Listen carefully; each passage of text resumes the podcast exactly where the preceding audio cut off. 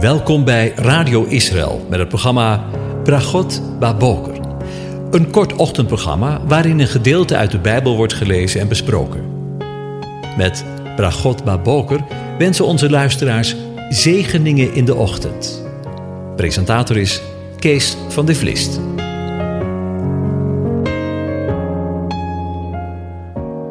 Goedemorgen, beste luisteraars. Vanmorgen gaan we weer verder met Psalm 40. Ik lees het aan je voor.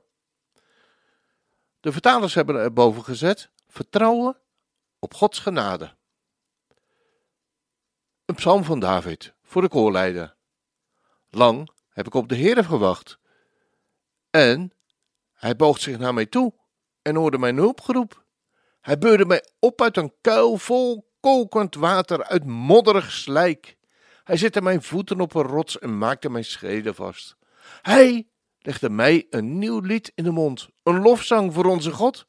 Velen zullen het zien en vrezen en op de Heere vertrouwen.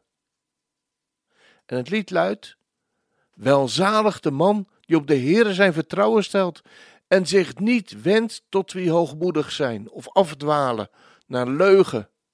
Heere, mijn God, veel zijn uw wonderen die u hebt gedaan en uw gedachten die u over ons hebt. Men kan ze voor u niet yet inzetten. Zou ik ze verkondigen en uitspreken?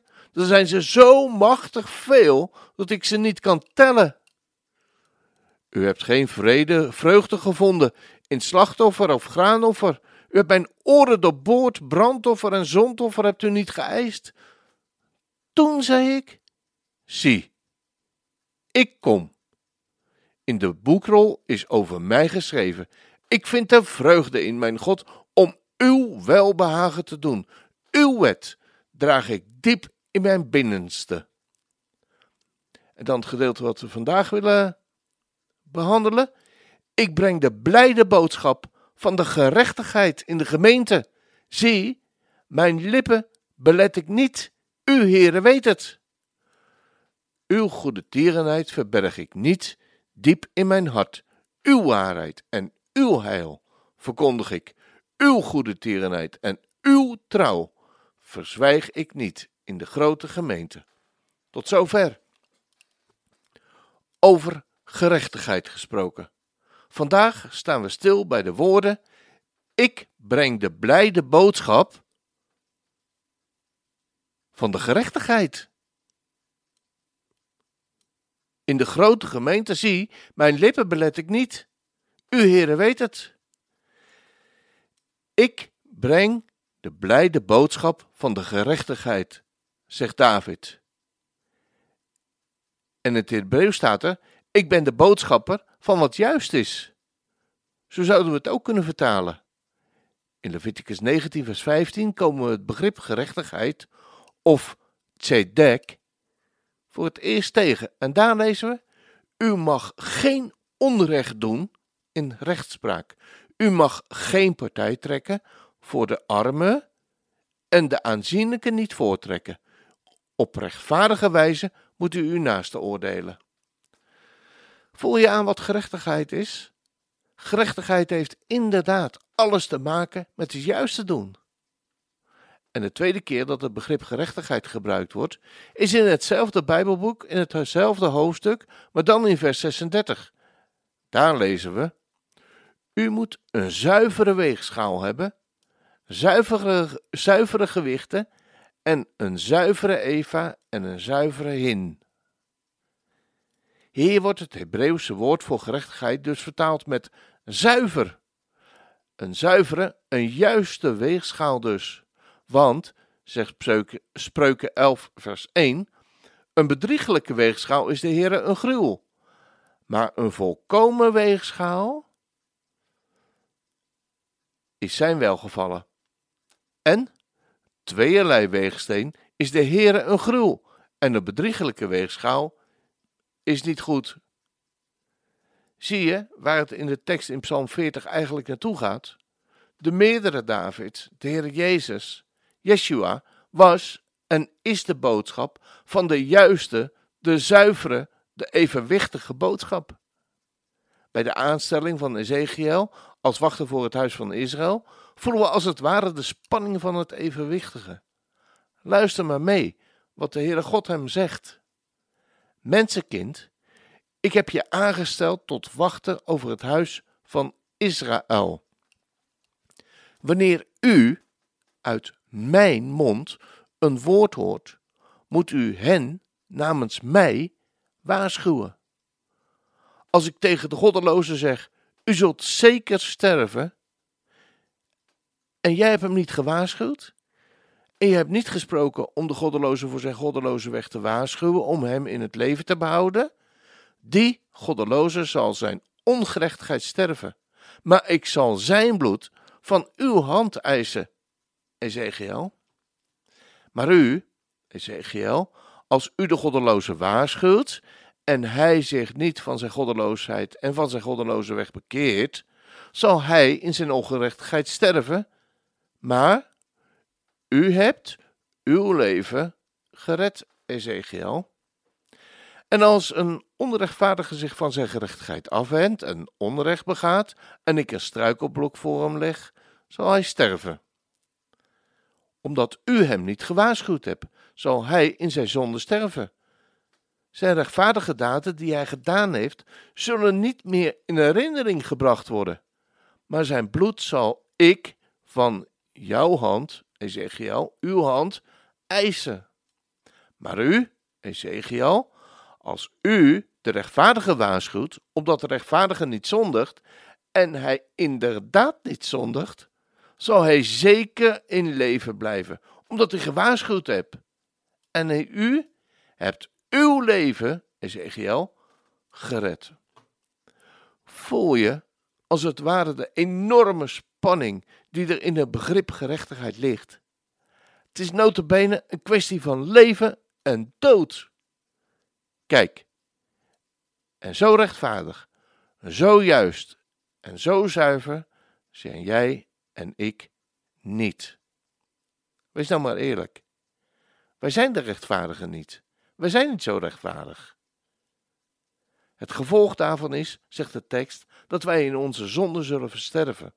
En de rechtvaardige daden die jij en ik gedaan hebben, zullen niet meer in herinnering gebracht worden.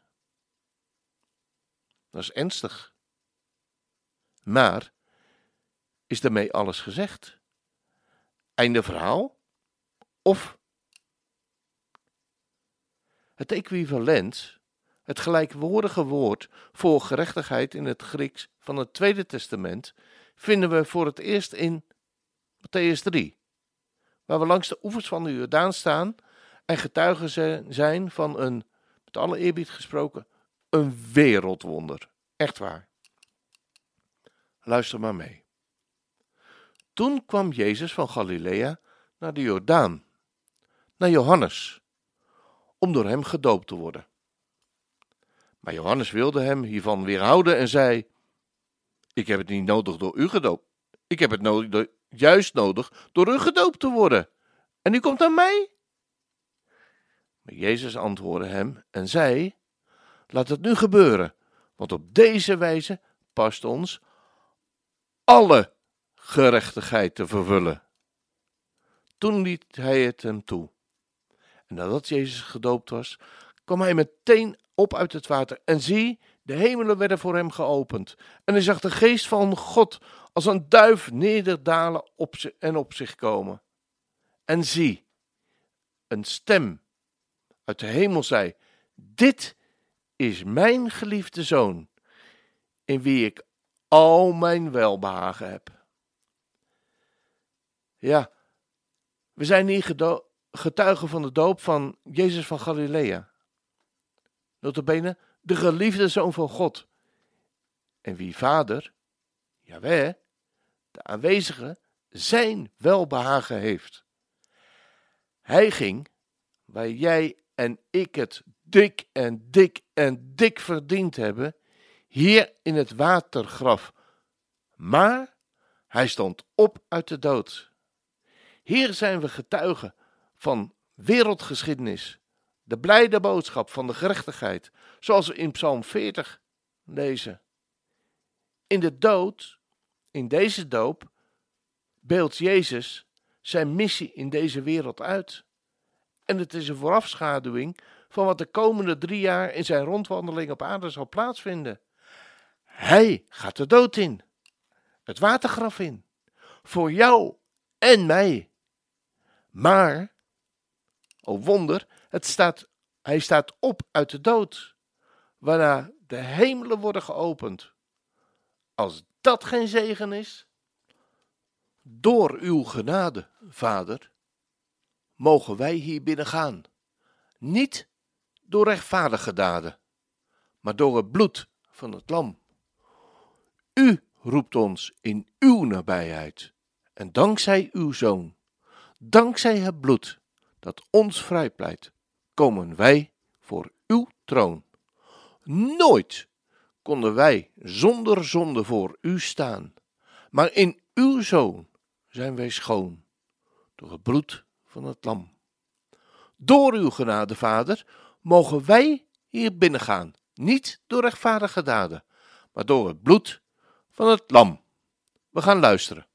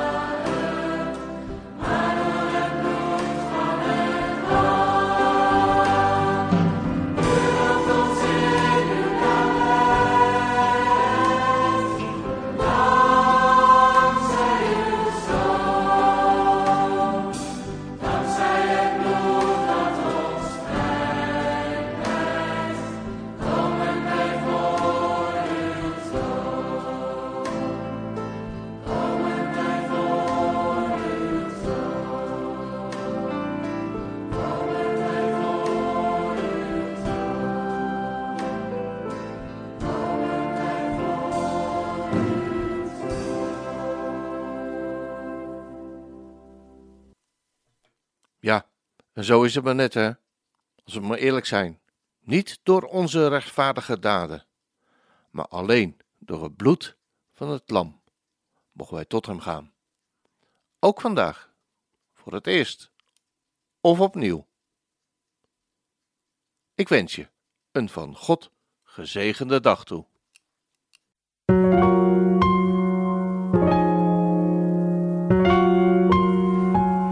U hebt geluisterd naar het programma Bragot Baboker.